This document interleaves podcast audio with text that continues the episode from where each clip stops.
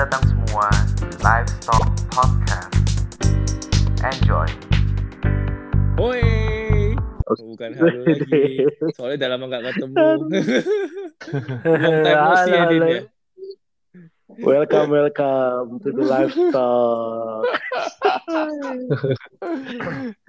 obrolan obrolan bapak-bapak Kali ini Kita lengkap habis nih ya. dorman, lengkap Habis dorman, habis hibernate eh, selama berapa abad ya? berapa abad? Karena perusahaan sudah mulai Iya, apa, mulai bergerak. Corona sudah Sibuk. mulai Corona sudah mulai hilang. Sibuk Akhirnya pacaran. kembali aktivitas. Ada sibuk pacaran, pacar baru. Lo bukannya kamu udah nikah Andre Oh, kan bukan aku itu yang aku mau ngomong pacar baru itu salah satu dari bertiga ini selain aku. Aku enggak loh. Ini Bre. bisa jadi bintang tamu itu pacarnya. iya. Dan tahu soal persapian loh. Wah, dan sekarang Wah. mengarah ke ke mana Dit? Loh kok lagi buat Adit? Terus Ganti topik. Update apa nih yang Iya nih. Ini udah apa ya? Balik lagi. Oke, update aja langsung update aja eh, terkait industri peternakan gimana nih Wah, oke.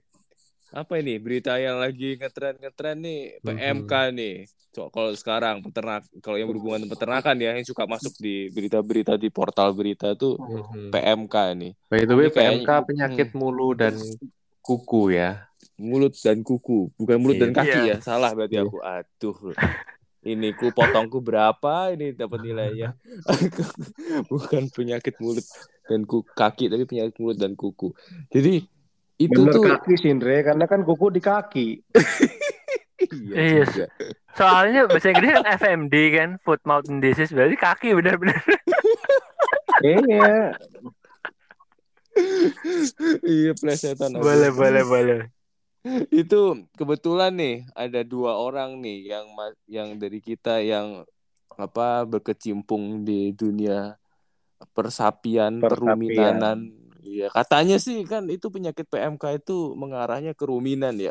Kita tanya aja Din ya. Kita kita bukan anak ruminan, kita Oh. tanya nih Din. Hmm. Kira-kira pertanyaan apa yang susah Din? Eh, sejarah sejarah PMK. Ayo. Ayo, kayak- kayak pertanyaan. Kayak Ayo. gitu. mungkin gini Ayo apa ayo? gini Kalau oke kalau eh, mungkin mungkin gini deh Kalau- jangan sejarahnya dulu Eh, gimana? penyakit Pengertian. untuk ruminan itu kan banyak ya.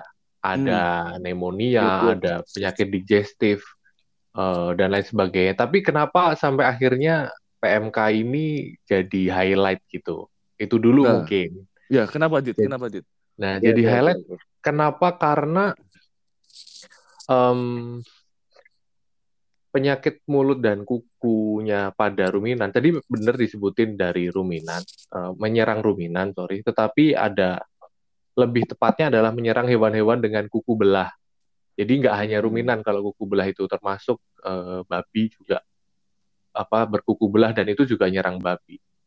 Dan Hmm. kenapa akhirnya penyakit ya tadi ya penyakit itu kan banyak buat kita yang nggak tahu penyakit sama lah kayak penyakitnya manusia itu banyak. Tapi kenapa Mm. kemarin eh, dua tahun yang lalu corona menjadi menjadi sangat happening gitu di media karena memang efeknya itu besar dan termasuk penyakit mulut dan kuku, mulut dan kuku ini PMK eh, setelah kita selesai dengan corona ternyata ternak kita juga diserang PMK karena PMK ini termasuk penyakit yang susah diatasi pertama Hmm. itu kedua Hmm. juga berefek kepada ekonomi yang sangat besar Pere- perekonomian itu bisa ber- terdampak eh, kerugian yang dihasilkan dari penyakit ini sangat besar itu dan kemudian eh, kalau dihubungkan lagi terkait loh kenapa dulu kita eh, mungkin yang orang awam dengerin kenapa kita jarang ya atau nggak pernah denger tentang penyakit ini baru-baru ini aja. Karena memang di Indonesia itu penyakit ini sudah tidak ada, sudah eradicate itu semenjak eh, dari literatur yang gue baca itu lebih dari hampir 50 tahun nggak ada di Indonesia. Oh. Nah, Hmm. sekarang mulai masuk tuh dan penyakit ini bisa dikatakan sebagai eh, apa ya eh, high, high risk apa penyakit yang harus dihindari untuk untuk terutama untuk ternak ruminan dan babi gitu swine. Hmm, hmm, Itu, hmm. itu dulu pembukaannya, Dre. Oke. Eh, jadi penyakit ini nggak cuma ruminan ya ternyata ya bisa bisa bisa babi juga bisa kena juga ya. Oh, berarti kalau 50 Tapi kalau tahun koko belah, Heeh. Heeh. ntar kalau koko belah itu berarti eh kayak kan ada beberapa hewan liar juga kan yang kayak misalnya Hmm. eh, Termasuk rusa, onta juga itu. rusa, Oh, onta, gitu ya? terus. Betul. iya. Rusa itu kan ruminan ruminan juga. Hmm. Ada Rusa, rusa antelope gitu. Oh, itu juga kena juga dong ya, bisa kena juga ya. Kuda juga Iya. bisa kena berarti kuda ya? Kuda nggak ya? Kuda enggak, kuda tidak ruminan dan Satu. kukunya ya satu. Bukan Satu. kuku belah ya. Hmm. Oh, Hmm. Oke, dulu itu bisa sampai bertahan lama kita nggak kayak apa nggak kayak sekarang itu karena apa ya? Bisa maksudnya 50 tahun itu kan waktunya lama banget ya, bisa Mhm. bener-bener bebas ya. Nah, gimana Ton? Ada insight nggak, Hmm, Ton? jadi emang kita kan itu dinyatakan bebas dulu 1986 ya, lalu diakui Organisasi Hmm. Internasional 1990. Akhirnya kita bebas PMK, jadi ya udah cukup lama.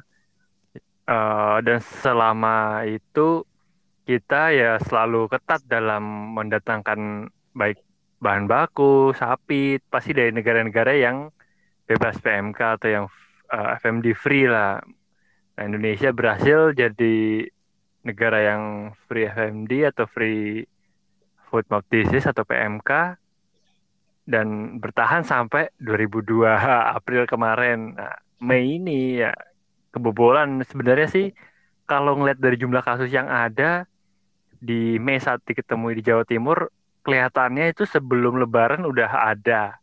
Tapi karena Hmm. momennya Lebaran eh, nggak mau Mm-mm. merusak kondisi atau situasi yang orang-orang lagi senang bisa Lebaran lah dengan tenang. Entah gimana ada yang memutuskan ini di blow up-nya nanti setelah Lebaran. Dugaanku sih Hmm. gitu. Nah, jadi kenapa kita dulu bisa bertahan ya karena ketat ini kelihatannya makin ke sini dengan kebutuhan sapi pot eh, kebutuhan daging ataupun kebutuhan sapi potong yang terus meningkat tapi suplainya terbatas ya entah apa ada eh, pihak-pihak yang akhirnya sedikit nakal atau apa dan kita akhirnya kebobolan apa dari daging beku impor yang masuk atau dari sapi masuk dari negara yang nggak free FMD jadi akhirnya ya masuk lagi lah virus tersebut gitu bentar. Ini gua mau nanya dari segi apa eh, ilmiahnya. ya. PMK ini eh, bakteri kah atau virus? virus dia benar-benar viral lah penyakit yang virus jadi ya Virus. kayak kita menghadapi covid ini nggak bisa kelihatan musuhnya dan cuma bisa mengurangi dengan disinfektan tapi berapa persen sih uh, biosecurity itu bisa menghilangkan men- menahan pasti kan? Dia It- bisa menyebar dari hewan ke manusia apa hewan ke hewan Bukan. aja? nggak bisa. Jadi bukan zoonosis atau bukan Bukan penyakit yang bisa dari hewan ke manusia. Jadi aman lah buat manusia tapi ya industri sapi potong ataupun sapi perah ataupun yang bisa terserang PMK ini yang terancam. Hmm. Iya. Simptomnya itu seperti apa? Simptomnya kalau kena itu sapi kena PMK. gitu. Gejala-gejalanya gitu ya. Heeh, heeh. Jadi sih yang pertama sih pasti demam mulut- di Mulut sama ininya, nggak mulut sama kakinya tuh apakah karena Ada kan sesuatu gitu. penyakit mulut dan kuku. kak kuku kan. Jadi maksudnya Mm, ada mm, mm. ada ada sesuatu nggak fis- secara fisik gitu? Iya pasti liur berlebihan lah yang gampang bisa dilihat di mulutnya gitu. Mm-mm. Terus ya lepuh merah di hidung kelihatan di sapinya sama ada lepuh-lepuh di kuku kakinya gitu. Jadi dari sisi suhu juga demam pasti keadaannya. Jadi eh, mungkin sepele bisa diobati tapi ya lama-lama bisa menyebabkan kematian juga. Ya, jadi Hmm. itu yang yang nyebabin kenapa tadi aku bilang FMD atau PMK ini efeknya itu berimbas ke ekonomi ya. Hmm. Karena kalau di industri peternakan apa pun itu kan sumber pendapatannya adalah dari hewan itu sendiri dan hewan itu produksinya adalah dengan memberi kit- kita memberi dia pakan dia jadi besar gitu kan. Hmm. Nah, karena virus ini spesifik menyerang di dua bagian vital sapi, di mulut dan kuku. Oh bayangin deh, kita kalau sehariawan aja mau makan gimana rasanya? Hmm. Susah kan? Hmm. Nah ini apalagi di mulut itu dia muncul eh, bayangannya sariawan tapi sariawan yang besar dan eh, sangat Susah banyak gitu. makan. Eh, di bagian Koreng ya, lidah, koreng di bag- gitu. ya, koreng lidah, di bagian langit-langit, di bagian hidung, bibir. Nah itu Mhm. bikin sapi nggak mau makan pertama. Kedua, ketika dia menyerang di bagian kuku, kita kalau di apa di jari korengan aja jalan aja susah kan. Nah, sapi juga gitu ketika di dia di bagian kuku, dia mau jalan juga susah, mau menghampiri tempat pakan, menghampiri tempat minum, udah apa istilahnya udah udah nggak mau lah. Iya, itu berat. diperparah eh, diperparah itu sehingga menyebabkan sapi itu nggak makan selama beberapa hari sampai mungkin sampai dia sembuh eh, simptomnya. Tapi Hmm. dengan beberapa hari tidak makan itu eh, ya bayangkan saja kita nggak makan satu dua hari saja kondisi tubuh kita seperti apa. Tapi dengan simptom yang ada di PMK ini mungkin di di sapi-sapi yang besar dia nggak terlalu lethal ya. Tapi bukan Hmm. berarti tidak kecil, tapi tidak sebesar kalau di sapi-sapi yang muda. Tapi Hmm. misalkan du- seminggu dua minggu asupan pakan nggak bagus, ya efeknya ke produksi baik itu daging maupun susu. Jadi parahnya di situ. Dan kalau kita mengingat sapi, eh, daging dan susu, beef dan produk dairy itu merupakan produk utama dalam Mm-mm. bidang pakan eh, manusia, eh, pangan manusia ya itu efeknya eh, multiplying efeknya Hmm. itu gede Hmm. gitu. Oke, berarti kalau secara gampangnya mulut itu kan pintu masuknya kalau dia makan dikit ya hasil dag- dagingnya dikit atau susunya dikit ya ngarahnya ke situ ya. Jadi nanti produk akhirnya gitu ya, Dit ya, yang yang bakal terdampak negatif dari PMK ini ya. Ya, Iya. ya betul betul. Walaupun tadi benar eh, Anton bilang bahwa secara eh, produknya itu tidak zoonosis, tidak tidak sampai ke manusia, Manusia. seperti antraks ya, seperti Hmm. bakteri antraks. Tapi efeknya yaitu lebih ke industri akan akan jatuh mestinya. Kalau sampai eh, virus itu ditemukan di area industri gitu. Iya ini Oke. kemarin kurs bisa naik tajam sampai 14.7 itu apa efek ini juga Dit ya? Sampai bingung Oh, aku. gitu ya. Iya, jadi biasanya 14 jawab itu. 14 400 14 500 lah ini kok sampai 700 ini efek FMD apa bukan? Ya, itu efek FED itu. Oh iya Eh. iya. Cuma belakangan kan- ini yang, yang berhubungan sama apa ya komoditas atau apa istilahnya ya yang yang apa ya minyak goreng habis minyak goreng mulai reda sekarang ada daging gitu ya bahan-bahan pokok ya yang mulai Iya. ini gang apa goncangannya lumayan Banyak Wah, ujian kan. supaya kuat bisnisnya sih katanya. wes supaya kita apa orang-orang di dalam negara itu biar lebih kreatif lagi ya Iya, jadi Hmm. ya kreatif yang Eh, positif enggak. tapi Iya, tapi agak susah juga kalau mau disimpulin seperti itu ya, karena beberapa case eh sekitar tahun beberapa tahun yang lalu kayak di UK, di Taiwan, di Korea, Jepang, kayaknya juga sempat outbreak FMD juga dan Hmm, eh, Hmm. kasusnya cukup cukup parah juga sih. Nggak ngerti mungkin bisa di search kerugiannya Hmm. berapa tapi cukup besar.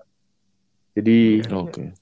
menurutku sih eh, aku juga dulu waktu di Jena sempat nanganin FMD ya karena di sana juga juga di wilayah eh, endem, endemik endemik Hmm. FMD Hmm. itu memang seharusnya FMD itu ketika kita punya daerah yang yang bebas dari FMD sebaiknya kita mempertahankan itu jangan sampai FMD karena itu efeknya itu eh, multiplier efeknya FMD itu besar sekali gitu. Iya, iya. Jadi Oke. memang eh, Iya, itu kalau kayak gitu, Dit, berarti Adit kan udah Hmm. pernah di negara yang endemik ya. Nah, eh, memotong rantainya agar tidak terus-terusan ada itu apa yang dilakuin tuh ya? Hmm. Kalau kita, kalau pertanyaan adalah bagaimana caranya biar membumi hanguskan FMD itu, Mm. cara ekstrimnya adalah kita bunuh semua hewan yang tertular. Eh, baik ya, bunuh semua hewan yang baik itu yang tertular maupun tidak di daerah itu. Dan Wih. kita ganti ternak ternak dengan ternak yang baru diambil dari daerah yang sama sekali tidak terjangkit FMD. Ya itulah kenapa eh, FMD ini sebenarnya permasalahan yang serius untuk eh, dunia peternakan, khususnya untuk ternak besar gitu. Karena Wow. untuk Hmm. Status status eh, bebas FMD pun itu ada tiga level kalau nggak kalau nggak salah. Iya, iya. Yang pertama adalah ini ya Ton, yang benar-benar bebas. Terus ada yang bebas dengan Zona syarat gitu dengan ya. vaksin Oh. ya. Iya, heeh. Jadi eh, walaupun suatu daerah gitu itu misalkan kita sekarang sudah ada satu daerah di Indonesia sudah terkena FMD, ada ada istilahnya apa kalau di daerah kecil gitu endemik ya, endemik atau apa ya. Ketika kita sudah beri vaksin dan FMD sudah nggak ada di sana, statusnya itu tidak langsung bebas, tetapi statusnya bebas FMD dengan vaksin. Hmm. Karena begitu vaksin itu dihentikan di daerah itu, FMD akan naik lagi, Outbreak. gitu, outbreak lagi. Karena statusnya sapi ini ketika kita vaksin, dia hanya dia nggak membunuh eh, virus yang sudah menular di dalam dia, tapi dia hanya meng, apa inaktif gitu aja lah. Begitu virus vir- eh, vaksin tidak diberikan, ya dia aktif lagi dan bisa nyebar lagi. Oke, berarti Hmm. kalau mem- paling memungkinkan itu kalau kondisi sekarang tuh vaksin ya. Tapi karena eh, karena eh, pemikiranku kalau eh, pakai cara ideal yang ada cerita tadi di bumi hanguskan yang kena walaupun sama yang nggak kena itu kan lebih lebih ekstrim banget ya. Iya, benar itu Iya. sangat ekstrim sih gitu. Dan iya. kayaknya di negara di daerah mana pun nggak nggak mau nggak ada yang mau untuk mengambil opsi itu gitu. Jadi mungkin bebas dengan vaksin gitu pilihan. make sense sih, make sense. Hmm, Iya. Tapi di, gue mau nanya dong, tapi kalau di Indonesia selama ini vaksin PMK tetap jalan atau enggak ya? Hmm, hmm. Jangankan jalan, ada aja di Hmm. Indonesia belum. Nggak ada di karena memang Indonesia kan Bebas ya? statusnya bebas bebas. Oh, PMK. oh be- bebas tuh Oh. berarti nggak nggak pakai vaksin nggak apa-apa aja. Iya. dari oh, Kita semenjak tahun tadi 86 itu bener-bener bebas, oh bebas. gitu.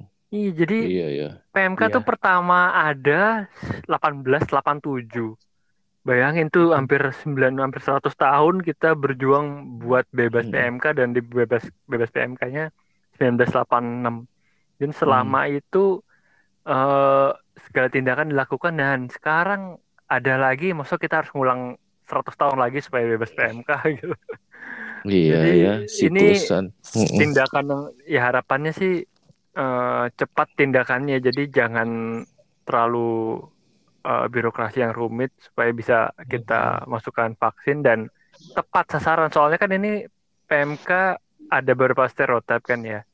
Udah ada enam. Nah kita udah di udah kirim sampel ke Inggris udah diketahui bahwa kita stereotip yang O. Jadi ya kita Hmm. masukin vaksinnya untuk PMK yang stereotip O.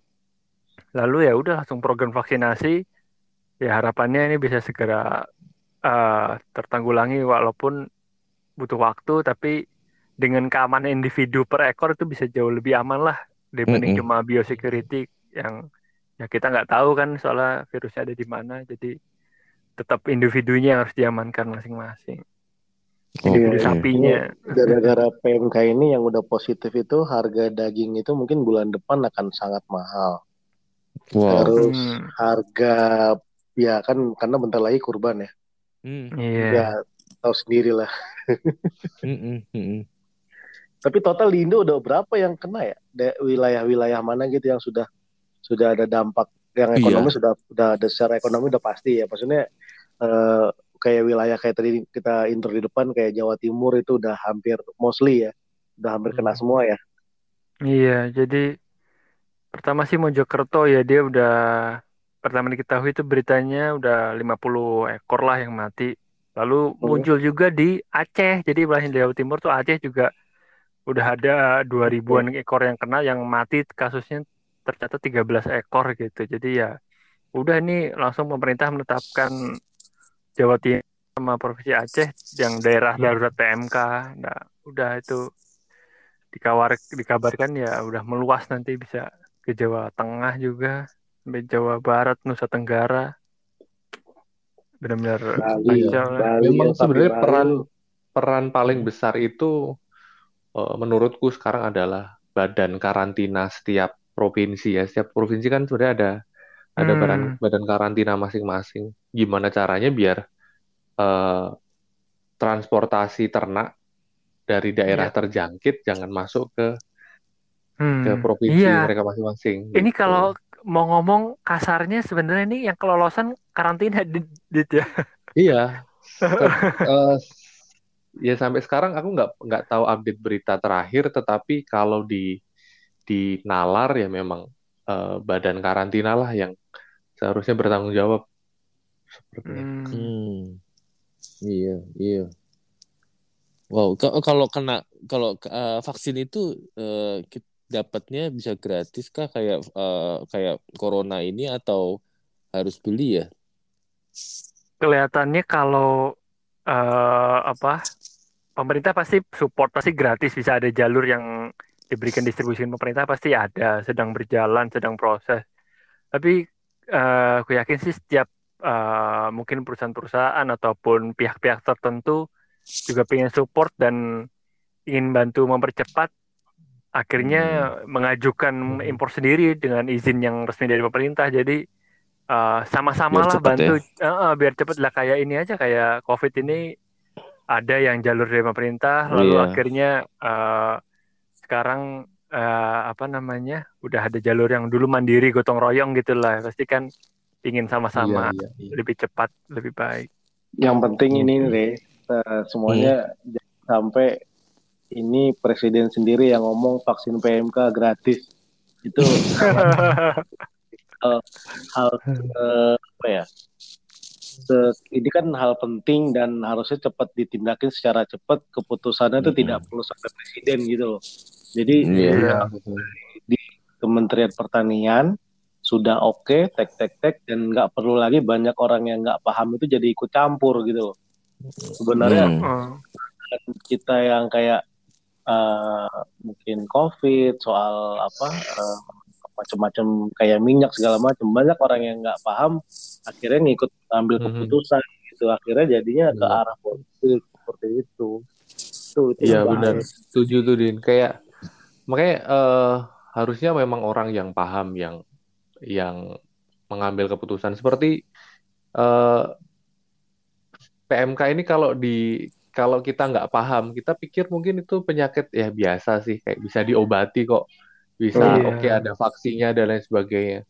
Tetapi yang mereka tidak paham adalah begitu besarnya efek eh, kerugian yang ditimbulkan sama eh, virus Hmm. ini dan catatannya sekali lagi adalah tadi Indonesia dari tahun 1800 sampai 1900 selama 100 tahun itu baru bisa eradicate virus itu. Jadi Hmm. Memang kalau orang-orang benar orang yang mengambil keputusan itu paham, mereka tahu mestinya harus seperti apa. Iya, Dan keputusan yang benar harus diambil secepatnya dan nggak boleh sampai hewan yang terjangkit itu nyebrang ke wilayah lain. Semakin luas eh, wilayah jangkitannya ya semakin susah nanti me- mengendalikannya, Mm-mm. makin Hmm, mahal. Iya. gitu.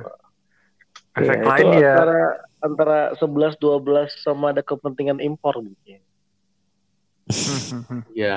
Ya. Iya. dan kita 11, urusan 12, hal-hal ekspor tuh juga jadi terhambat loh misalnya ada beberapa negara yang mewajibkan Iya, negara bebas. asalnya harus bebas Hmm. FMD dan sekarang ya kita nggak bisa memenuhi syarat itu ternyata Indonesia Iya, betul ada betul. FMD waduh Padahal Indonesia kayak eh, ekspor kita sudah mulai berkembang untuk ekspor domba, daging domba. Itu kan sudah sudah sangat baik ya di Iya. diinisiasi oleh pemerintah. Kita mulai ekspor domba ke negara Timur Tengah, ke Malaysia. Nah, gara-gara Hmm. ini kan kita nggak bisa ekspor sekarang akhirnya. Karena Iya. mereka menolak dari mereka membatasi transport dari daerah yang terjangkit gitu.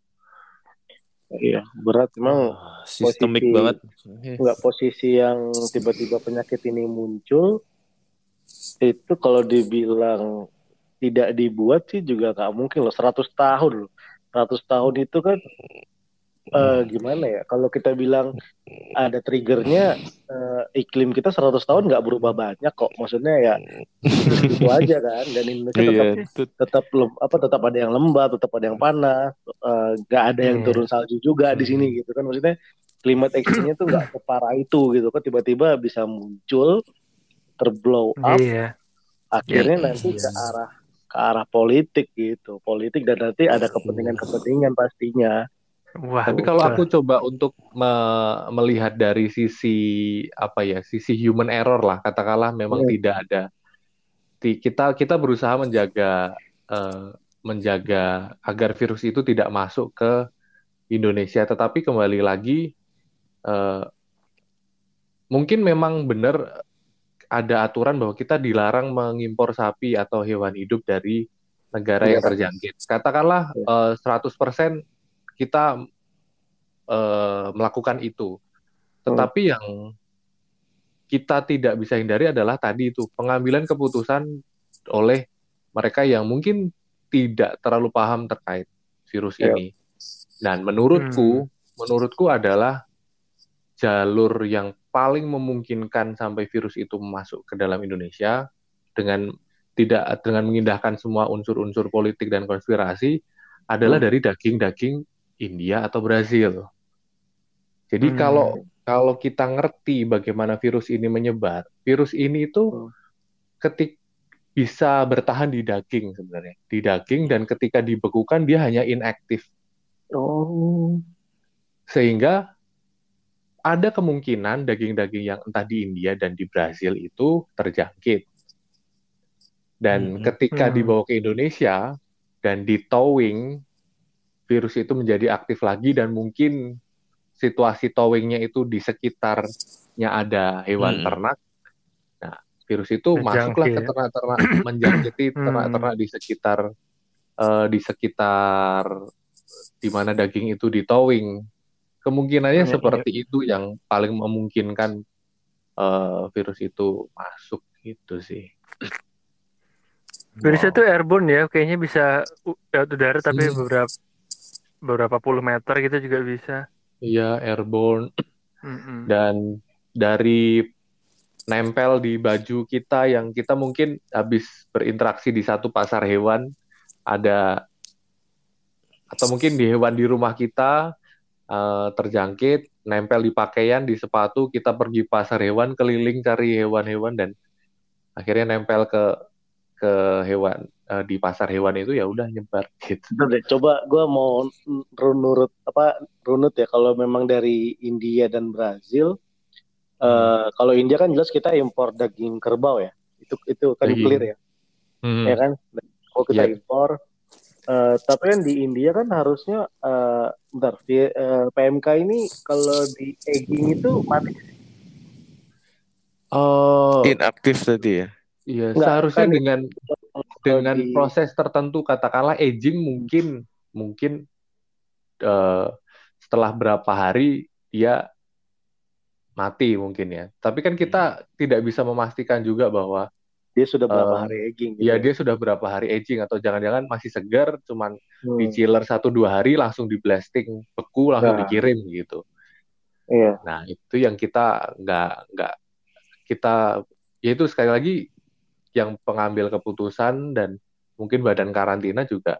Kita paham. Mestinya ya nggak nggak paham mereka daging yang masuk itu harusnya seperti apa dan seharusnya pun kita ada aturan ketika towing di Indonesia itu aturannya seperti apa nggak Hmm. boleh ketika towing itu dicampur dengan daging segar di lokasi yang eh, apa orangnya bersinggungan langsung dengan daging ini terus pegang ke ternak lain yang masih aktif itu Hmm.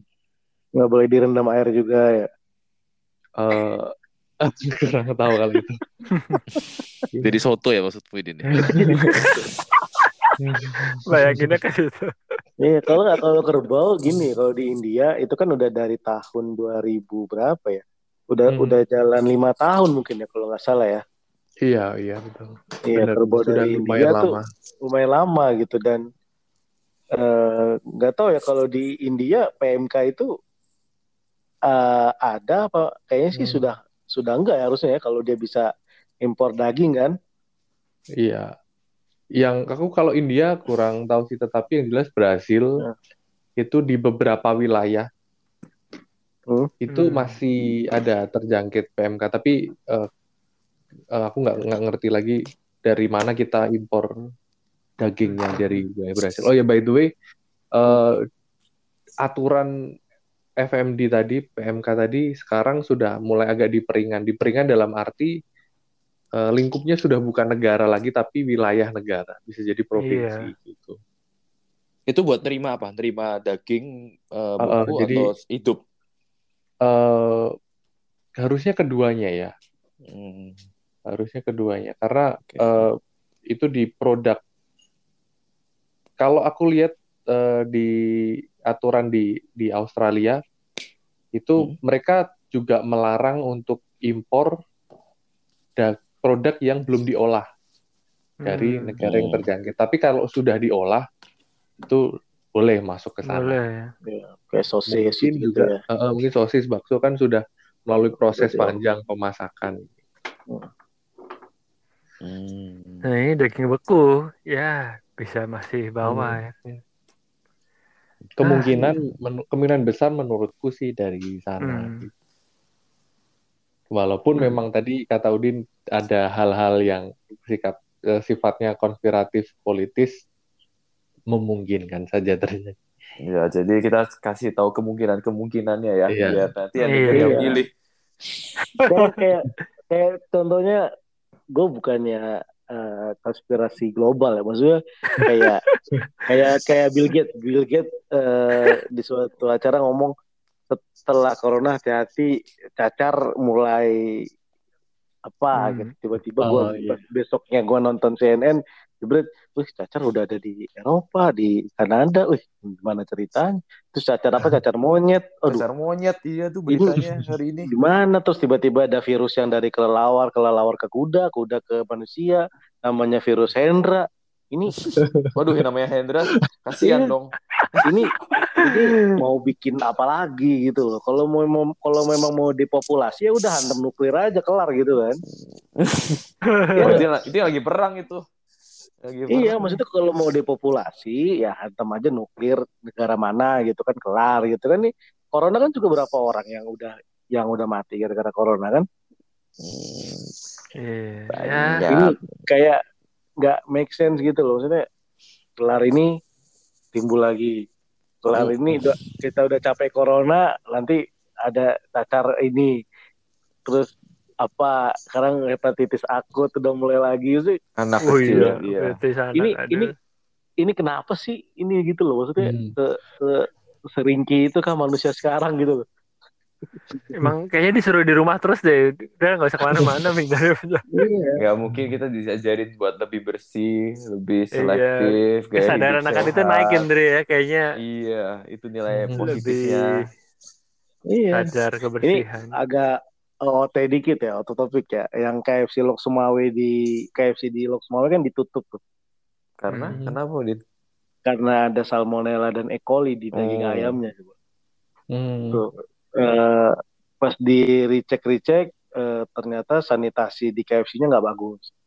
Sanitasi apa ya? Sanitasi di restorannya gitu kan. Iya. Yang iya. gara-gara efek kayak begitu sesimpel itu, akhirnya kan ke mana-mana. Akhirnya semua F&B sekarang sudah mulai di sanitasinya udah mulai dicek dicek lagi gitu kan. Jadi nanti mungkin ada kesempatan kita udah nggak boleh makan di tempat lagi, udah harus semua Hmm. harus take away kan kasihan gitu kan, nggak habis habis Hmm. gitu. Iya, kita harus beradaptasi Oke. dengan cepat dengan perubahan. Oke, jadi tadi kan FMD itu sapi ya, eh, apa PMK Hmm. ya. Kalau Hmm. di, eh, aku nggak ngerti nih, Andre sama Udin yang bisa jawab. Kalau di ayam ada nggak sih penyakit yang ya sesu, eh, setara Hmm. dengan PMK ini di sapi yang, maksudnya biar kita juga mesti hati-hati nih, yang penyakit belum outbreak di Indonesia atau Iya, belum jangan di sampai, ya. besar, jangan Hmm. sampai itu dan itu di di ayam gitu ada nggak? Apa ya? Apa Din?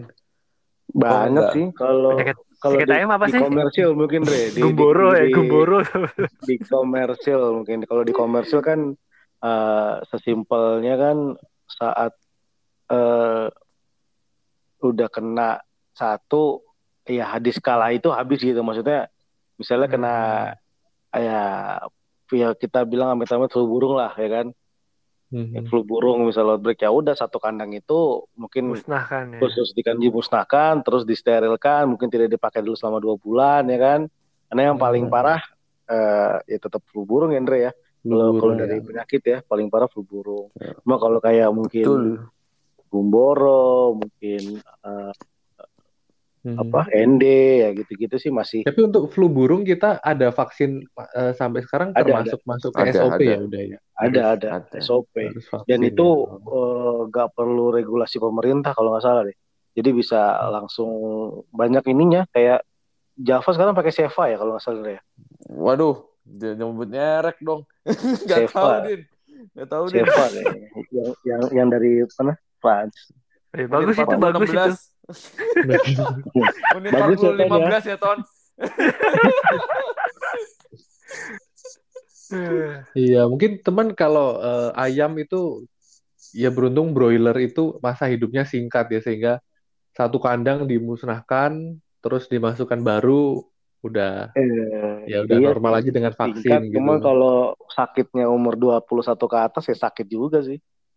Dan dan gini, eh, apa eh, ayam itu biosecurity-nya ketat banget ya. Jadi kalau ada kayak Udin cerita tadi langsung benar-benar tutup ya tutup gitu kan. Terus selama ayam itu mau masuk atau selama pemeliharaan sampai selesai itu kan biosecurity terus jalan ya. Nah, Hmm. mungkin lebih mudah juga menjalankan Hmm. biosecurity juga di di kan di ayam daripada di sapi yang lebih besar apa dan harus kan nggak nggak semua kandang sapi kayak punya green field ada close house-nya gitu yang bisa kita atur eh, bener-bener biosecurity-nya. Tapi kalau ayam tuh kan kita eh, dengan close house kayak gitu kan bisa lebih aman ya. Hmm. Terus Iya. yang kedua juga kalau dengar dari cerita eh, Adit sama Anton tadi itu kan ke- itu kan import ya kasus import berarti jadi ini sesuatu dari luar masuk ke dalam nah kalau kalau ayam itu kemungkinannya lebih kecil eh, karena kan kalau untuk kebutuhan daging ayam tuh sepertinya lebih ini ya leb- eh, isa-isa menuin sendiri gitu ya kalau Sudah ayam di- swasembada ya kita ya. udah- Ya. iya Kalau di ayam kita Indonesia. udah ayam kita udah swasembada.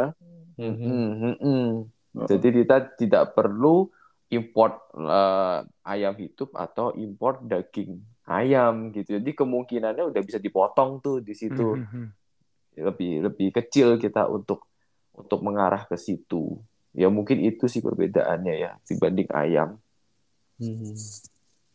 Ya, kalau ayam lucunya gini, kalau eh, orang bergelut di bidang poultry ya, eh, misalnya dia mau berkunjung ke suatu negara itu, eh, dia akan dapat notice negara itu outbreak karena eh, avian influenza gitu, misalnya gara-gara AI gitu kan. Jadi Hmm. ya eh, karena orang yang di dalam poultry ber- apa istilahnya poultry lah yang berkecimpung dalam poultry dia nggak berani ke nggak berani ke negara itu gitu loh untuk gara-gara Hmm. udah ada notice ada udah ada eh, outbreak di provinsi itu avian influenza gitu. Jadi saking saking takutnya gitu eh, dia nggak mau ke negara itu gitu. Jadi akhirnya pindah ke negara lain yang ada eh, yang sesuatu yang dia tuju gitu akhirnya.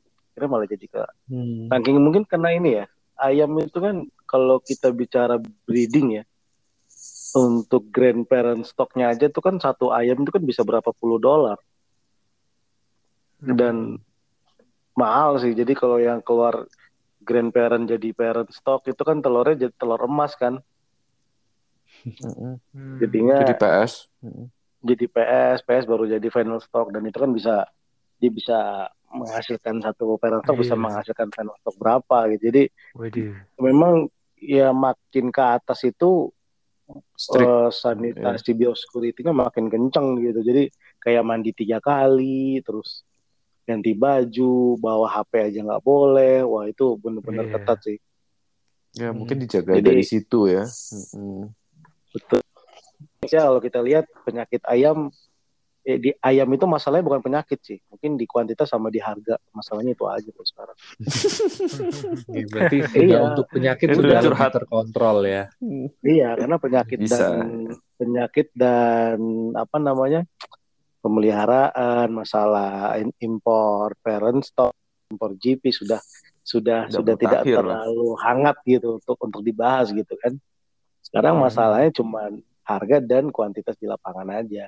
Ini kan posisinya kan ayam kemarin bulan kemarin kan sempat banjir tuh. Mm-mm. Hmm. Berapa Tahu sekarang? Per hari ini berapa? yang Din? ayam ayam ayam sempat banjir dulu? Eh, eh, sebulan yang lalu, yang Oh. sampai telur-telur semua yang mau ditetaskan itu di, harus dimusnahkan. Hmm. Iya, itu kan karena banjir, banjir banjirnya dari mana? Ternyata dari eh, ayam di luar live bird harganya turun, kayak gitu. Kasihan aja sih kadang-kadang. Jadi kita udah jaga baik-baik, ternyata pas sudah final kalau sapi kan mungkin harganya stabil ya, harga yang apa? Harga hidup ya. Kalau ayam kadang-kadang tiba-tiba anjlok kayak gitu, kadang sedih aja. Yang bikin mereka putus itu bukan karena penyakit di dalam kandang atau penyakit ayamnya, tapi harga jualnya yang nggak mumpuni Iya ya. ya. Lebih gampang kalau di ayam minutes ayam daripada minutes orang kalau di bisnis poultry berarti maksud Udin ya. Iyalah, manage orang tuh susah karena banyak kepentingan, banyak sudut pandang, ya kan? Iya, penjual, pembeli. Ah, Oke. Berarti sapi besok berapa ya buat kurban ya? Bisa sampai Nah, itu. dua tiga puluh juta kali sapi Bali ya. Din, Din, aku mau Eh. tanya Din. Jadi kalau sapi itu katakan kalau ada PMK gitu gimana Din? Kalau buat idul kurban Din.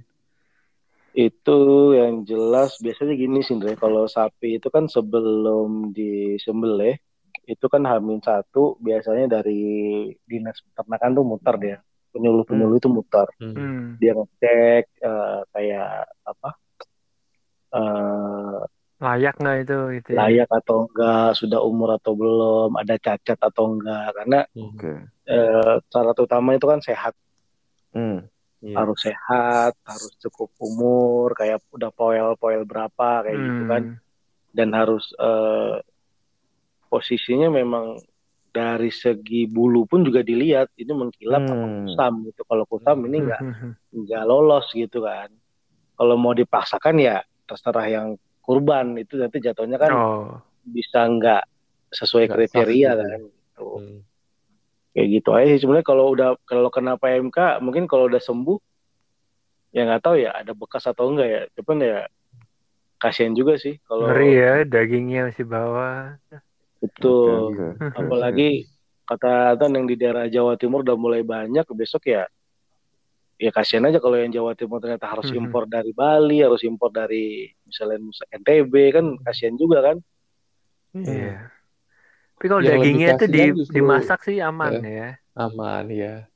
Oh, yang kasihan itu matang kalau ya. justru peternak peternak di Jawa Timur yang punya sapi banyak dan sehat, tapi dia nggak bisa jual ke tempat lain gitu. Misalkan dia punya pasar di Jawa Tengah, di Jawa Barat, yang besar kan Jawa Hmm. Barat, eh, Jabodetabek.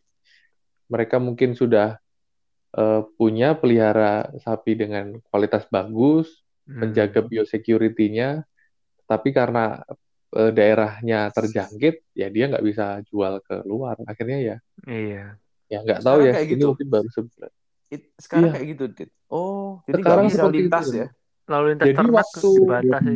ada Oh. case seperti ini nih. Sebelum Lebaran banyak peternak dari Jawa Timur bawa sapinya ke Jawa Barat. Oh. Kemudian diumumkanlah bahwa ada PMK di Jawa Timur. Nah, sap- biasanya kalau sapi dia dibawa di Jawa Barat, dia kalau nggak habis, dia mungkin kembali lagi ke tempatnya gitu kan. Oke, oke. Nah, Karena diumumkan PMK kemarin, sapi-sapi orang Jawa Timur yang dibawa ke Jawa Barat, mereka nggak berani bawa pulang ke Jawa Timur. Jadi stay di Jawa Barat. Kenapa? Karena kalau dia bawa ke Jawa Timur, kemungkinan besar nggak akan bisa keluar dari Jawa Timur. Itu Gitu. secara hidup, bukan secara daging. Eh, daging pun nggak Hidup. boleh ya. Hidup. Oh, hidup ya. Hidup dulu sementara ini ya. hidup ya Wow. Untung Nah, itu ya itu. Dipindahkan nih. Oh, untung kita udah pindah Jawa Barat. iya Nah, udah di kasihan bawah tuh satu ini kalau misalnya Jawa Barat, Jawa Tengah, Jawa Timur sudah tidak bisa ngirim, terus di Jakarta potong apa ya? Wow. Wah, nah Berarti itu. harganya bakal bakal beda banget nih selisih-selisihnya nih ya. Jadi nggak Mhm. yang daerah yang terjangkit itu pasti kebanjiran sapi ya. Yang ter- terus Iya. kok ke- Iya. kayak Jakarta gitu. Karena kan kalau kita bicara ya bicara populasi orang di Jakarta kan ada ada 10 juta kan, 10 juta. 10 juta anggapannya eh pokoknya paling banyak di Pulau Jawa ya motongnya di Jakarta. ya di Jawa DIY apa DIY DKI Jak dan Jabodetabek Iya. gitu lah. Jabodetabek itu tetap paling tinggi gitu. Jadi orang kiriman dari Wonogiri, dari mungkin dari Jogja, dari Lampung itu pusatnya pada ke Jakarta semua Jakarta gitu. Iya. Iya, iya. ya Yang itu Jangan ke- sampai Tadi Mm-mm. malah ini kepikiran kalau eh sebenarnya ini jadi di di setiap musibah ada berkah gitu ya kali ya. Ada Pasti, ada peluang oke. sebenarnya. Hmm. Sekarang eh, lumbung lumbung sapi yang paling besar itu kalau nggak salah Jawa Timur itu masuk tiga besar untuk lumbung Iya. sapi di Indonesia. Dan mereka kebanyakan juga akan dijual di Jakarta. Tetapi dengan case PMK seperti ini kan eh, orang Jawa Timur nggak bisa kirim lagi sapi hidup ke Jawa Barat Mhm. ataupun Jakarta. Berarti ada ada kesempatan untuk yang bisa melakukan mungkin hanya perusahaan dengan kapital besar sih untuk mendirikan sebuah pabrik manufacturing sapi katakanlah di Jawa Timur. Kan mereka lintas di lintas Mm-mm. daerah kabupaten. Eh, bayanganku adalah kesempatannya adalah eh, sapi itu diolah dijadikan Iya. daging entah Iya. daging beku, aging ataupun produk lainnya. Nah, itu kan value-nya lebih tinggi dan itu kemudian bisa dikirim ke daerah Iya. konsumsi seperti Jakarta, mungkin seperti itu. gitu. Oke, jadi lalu lintasnya udah berupa daging atau olahannya Iya, gitu ya. dalam bentuk Bukan- produk Iya. olahan lagi, bukan daerah, bukan bukan hewan hidup. Bener, Iya. solutif. Daging tuh Ya. mahal loh. Kemarin gue di Royal Tulip makan ya karena dibayarin sih ya, jadi gue nggak mikir harga ya. Pas gue lihat billnya oke juga.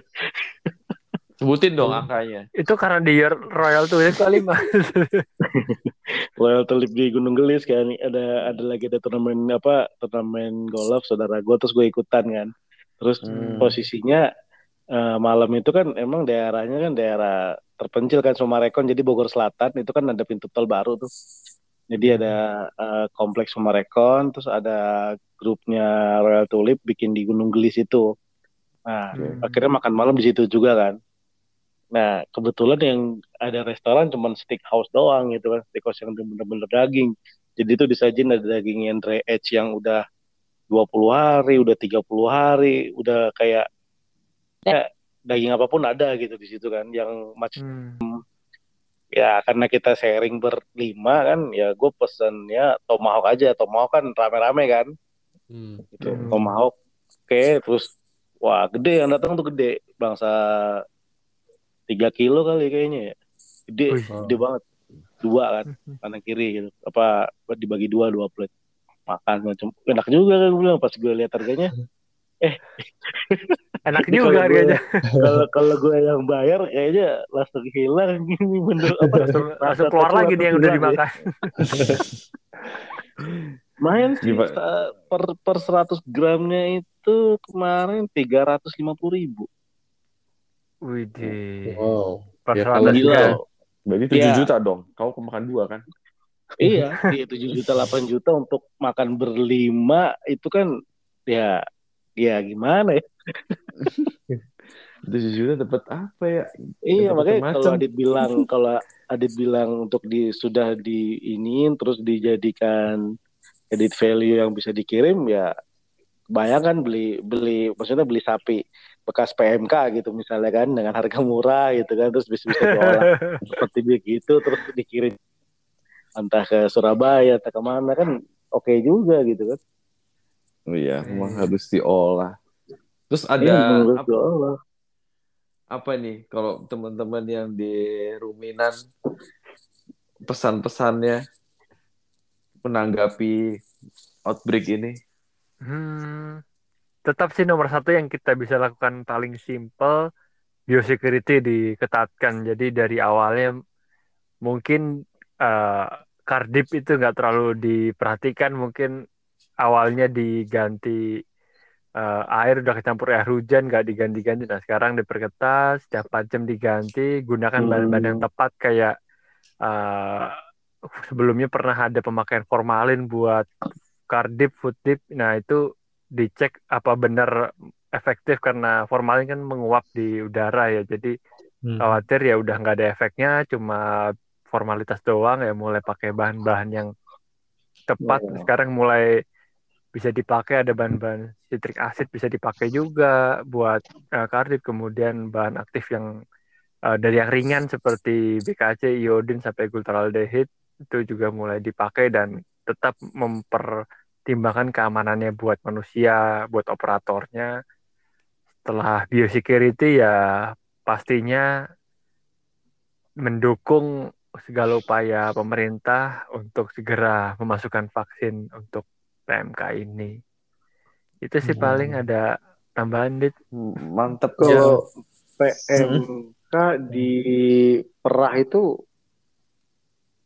hantam bagian mana sih tuh? Dia kalau pernah ada yang pernah, pernah tahu nggak maksudnya kalau sapi perah gitu kena PMK apa Sama, bisa? sama. Iya pasti Sama. mulutnya juga berlendir, melepuh, lalu kuku, meluam merah. Sama sih intinya sama dan ya efeknya ke badannya jadi nggak sehat gitu kan karena dia makan nggak mau. Ya produktivitas akhirnya turun Hmm. juga. Jadi Hmm. ini buat semua sapi perah sapi potong ya berbahaya lah. gitu.